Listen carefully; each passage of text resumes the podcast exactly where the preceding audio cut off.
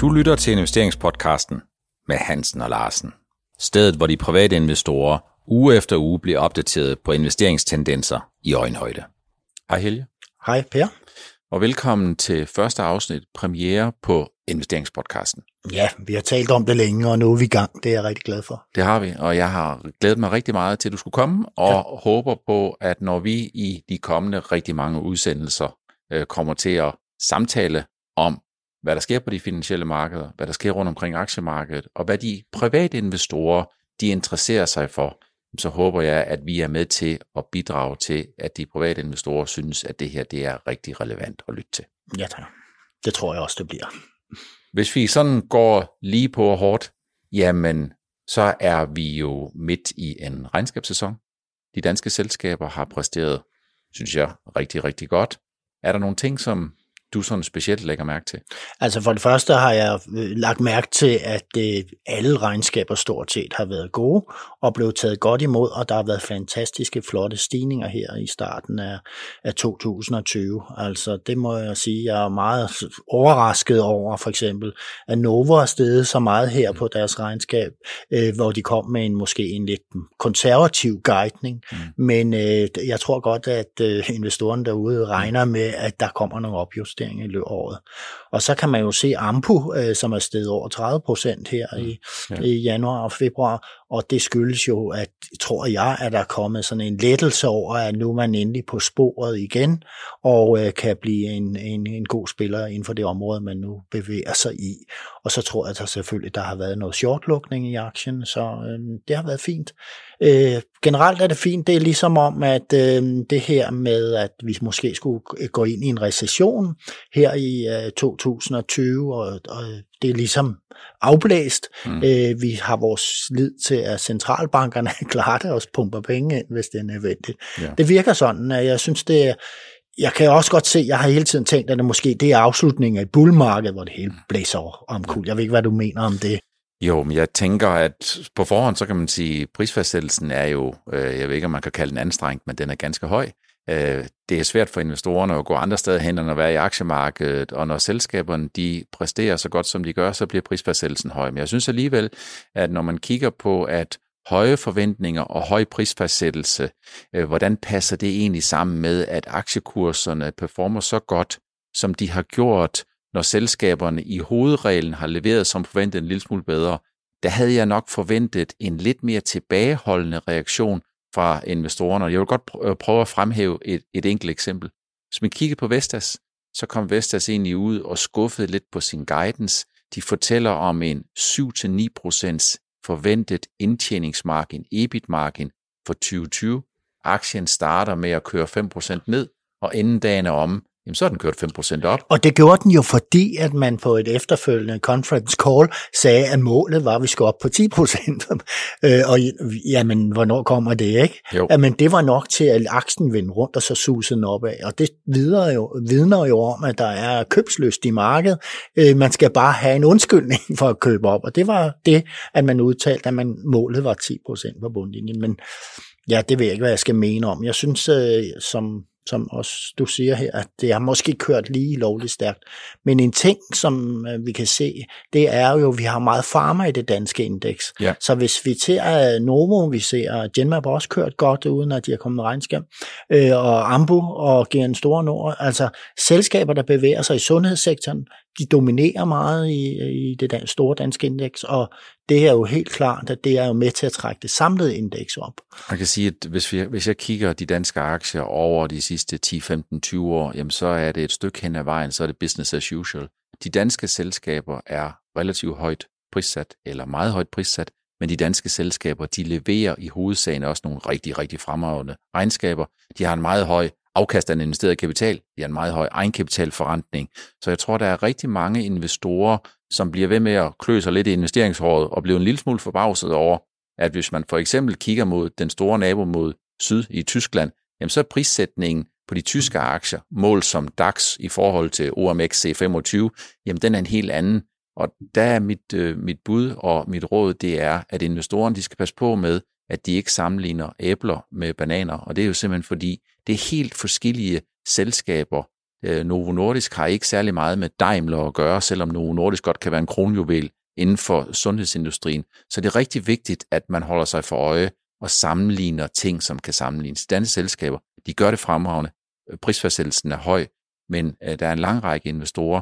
De hjemsøger altså de her øh, danske selskaber, fordi de er altså verdensklasse kompetencer i deres nischer. Ja, der kan man se, at hvis vi nu lige øh, tager Novo op igen, så kan vi se, at det er jo også et selskab, der måske ikke har vækstet så meget de senere år, og havde lidt, lidt uheld i 2015 og 16, og ikke kunne guide ordentligt. Men det vi ser nu lige pludselig, ja, hvis vi lige tager en ting, som lige er kommet frem, det er altså noget som almindelig insulin, der kan de jo gå de ud og lave forsøg nu, så man kan slippe for at sprøjte sig med insulin en gang om, om, om dagen, ja. øh, nu går over til en gang, måske en gang til en, til øh, en gang om ugen. Mm. Og så har vi hele det her GLP-område, øh, øh, jamen det, det tegner jo til, at de laver guldstandard inden for det her, og øh, der kommer en tablet, som, eller der er kommet en tablet, som bliver rullet ganske kraftigt ud de kommende år, og så er der data inden for fedme. Jeg er bare så spændt på, hvad der sker med alt det der. Ja. Og så jeg tror, det bliver Novo år, de, øh, og det gør det måske også i 21, 22, 23.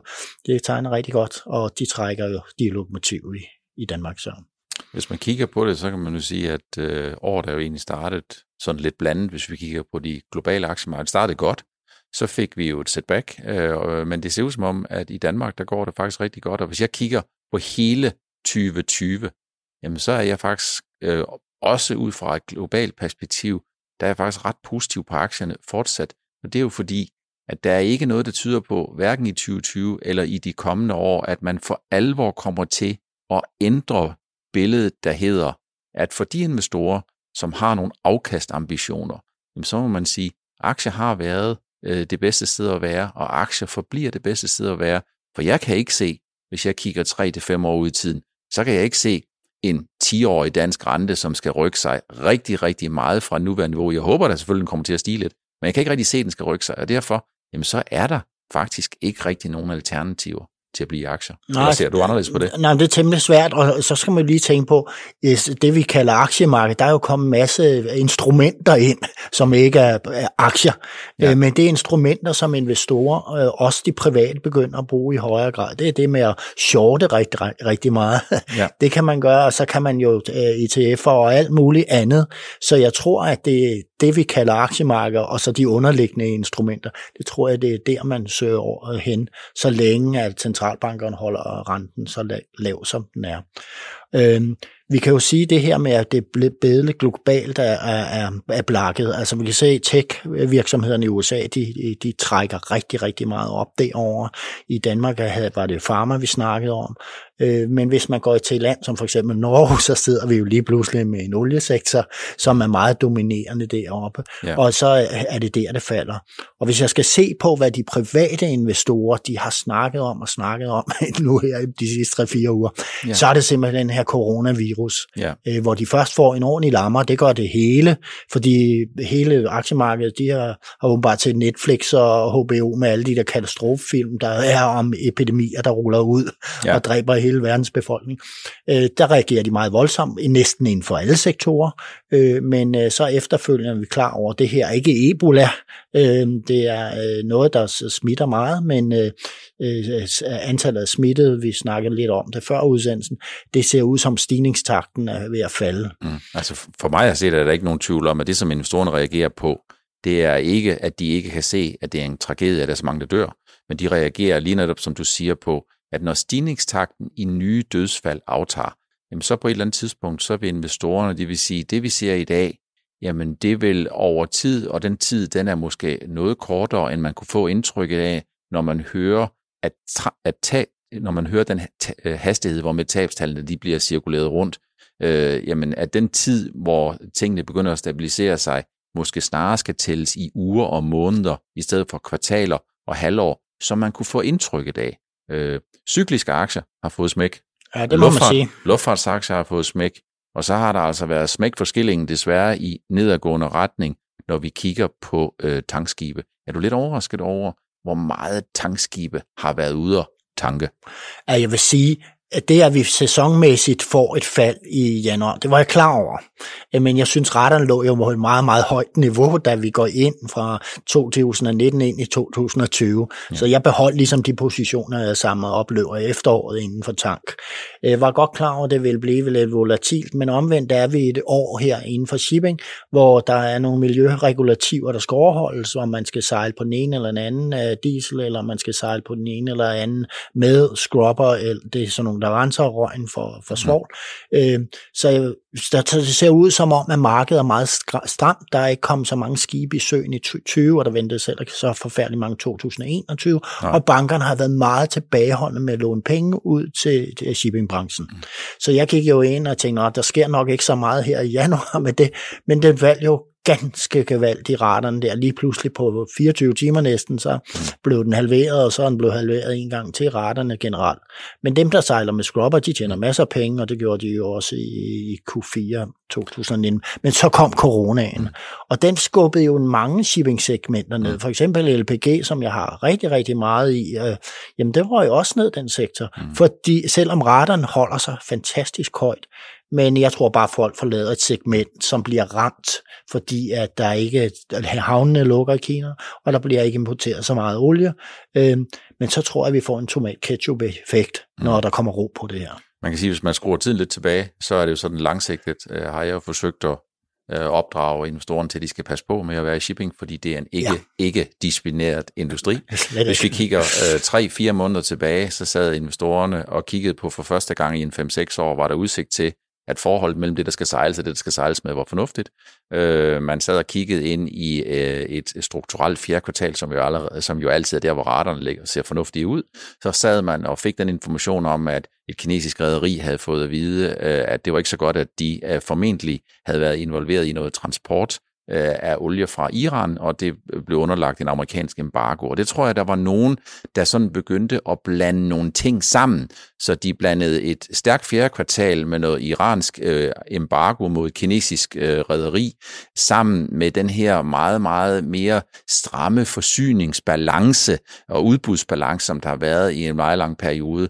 For mig minder det øh, investorerne og os private om, Øh, at når vi kigger på øh, shipping, så er det altså et marked, hvor pengene sidder meget løst, hvor, man, hvor forskellen mellem succes og fiasko, den er hårfin, og hvor investorerne på lang sigt øh, er lidt nervøse for enten ikke at komme med den sidste færge, eller også at man ikke sørger for at foretage landgang øh, lige inden, at, øh, at øh, der kommer en stor sø ind.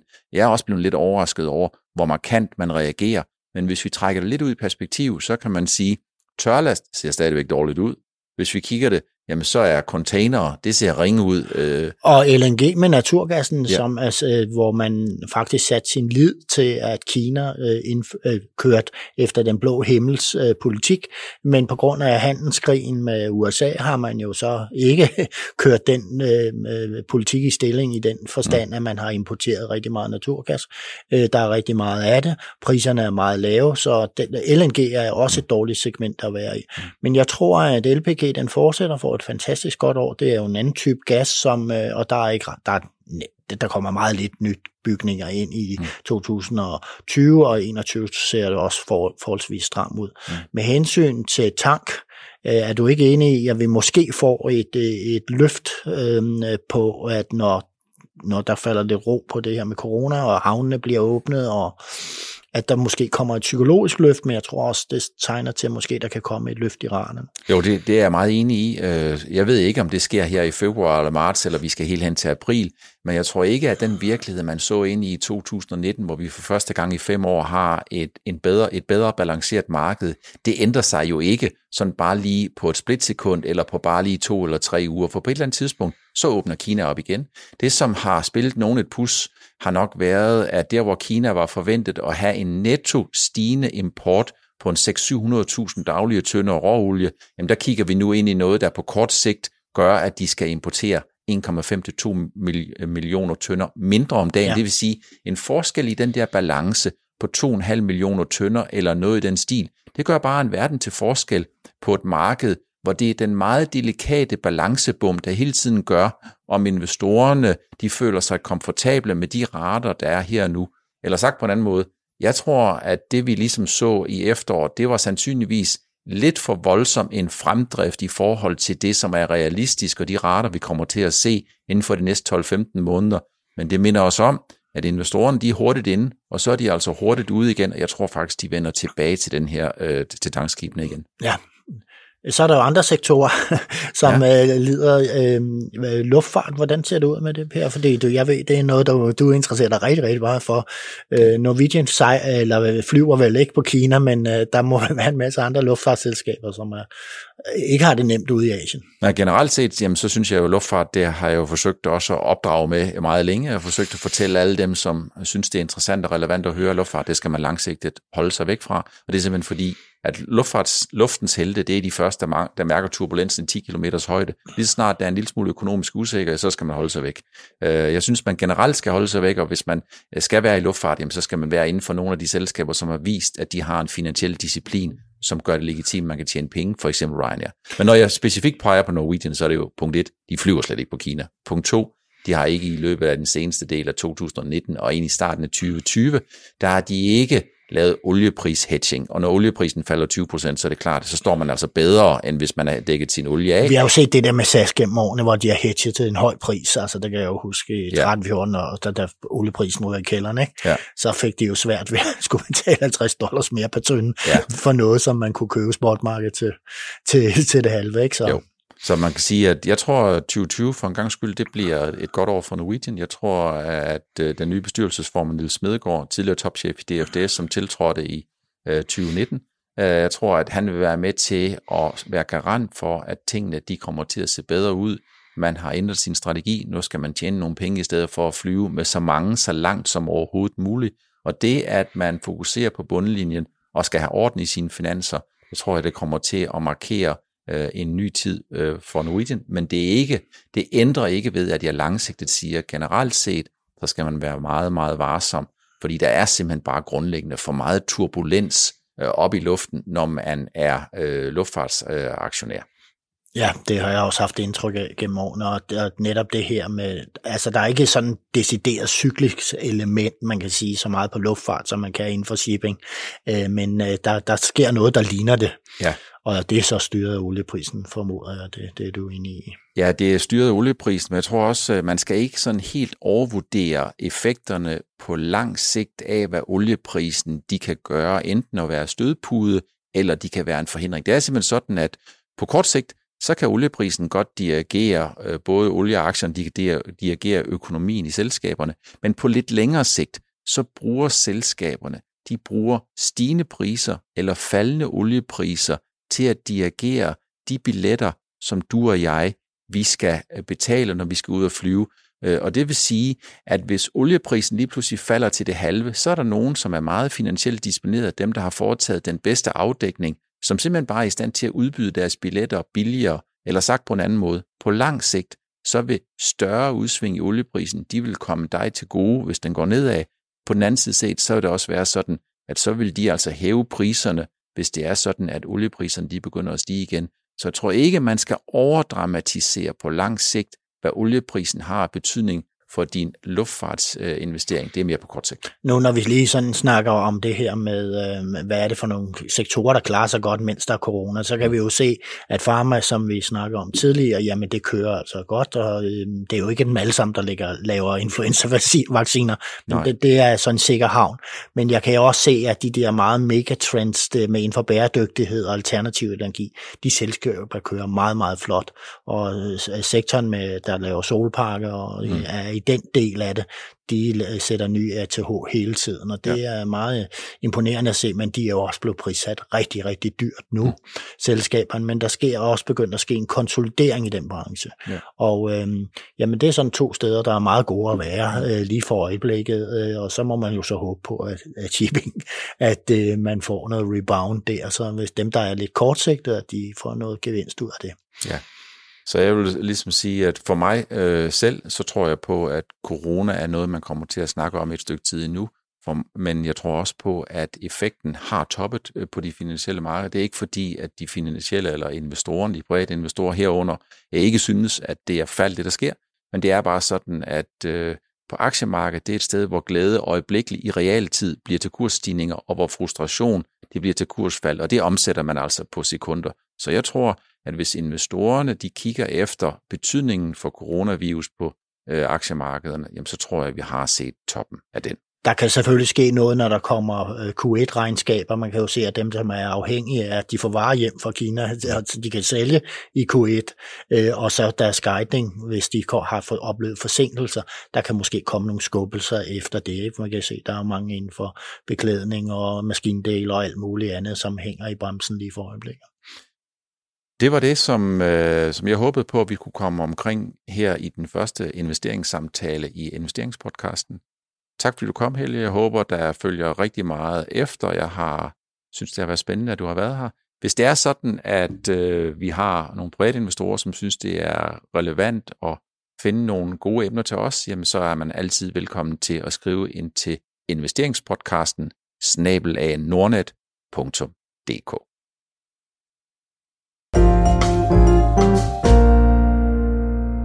Du lyttede til investeringspodcasten med Hansen og Larsen. Vi ses igen i næste uge.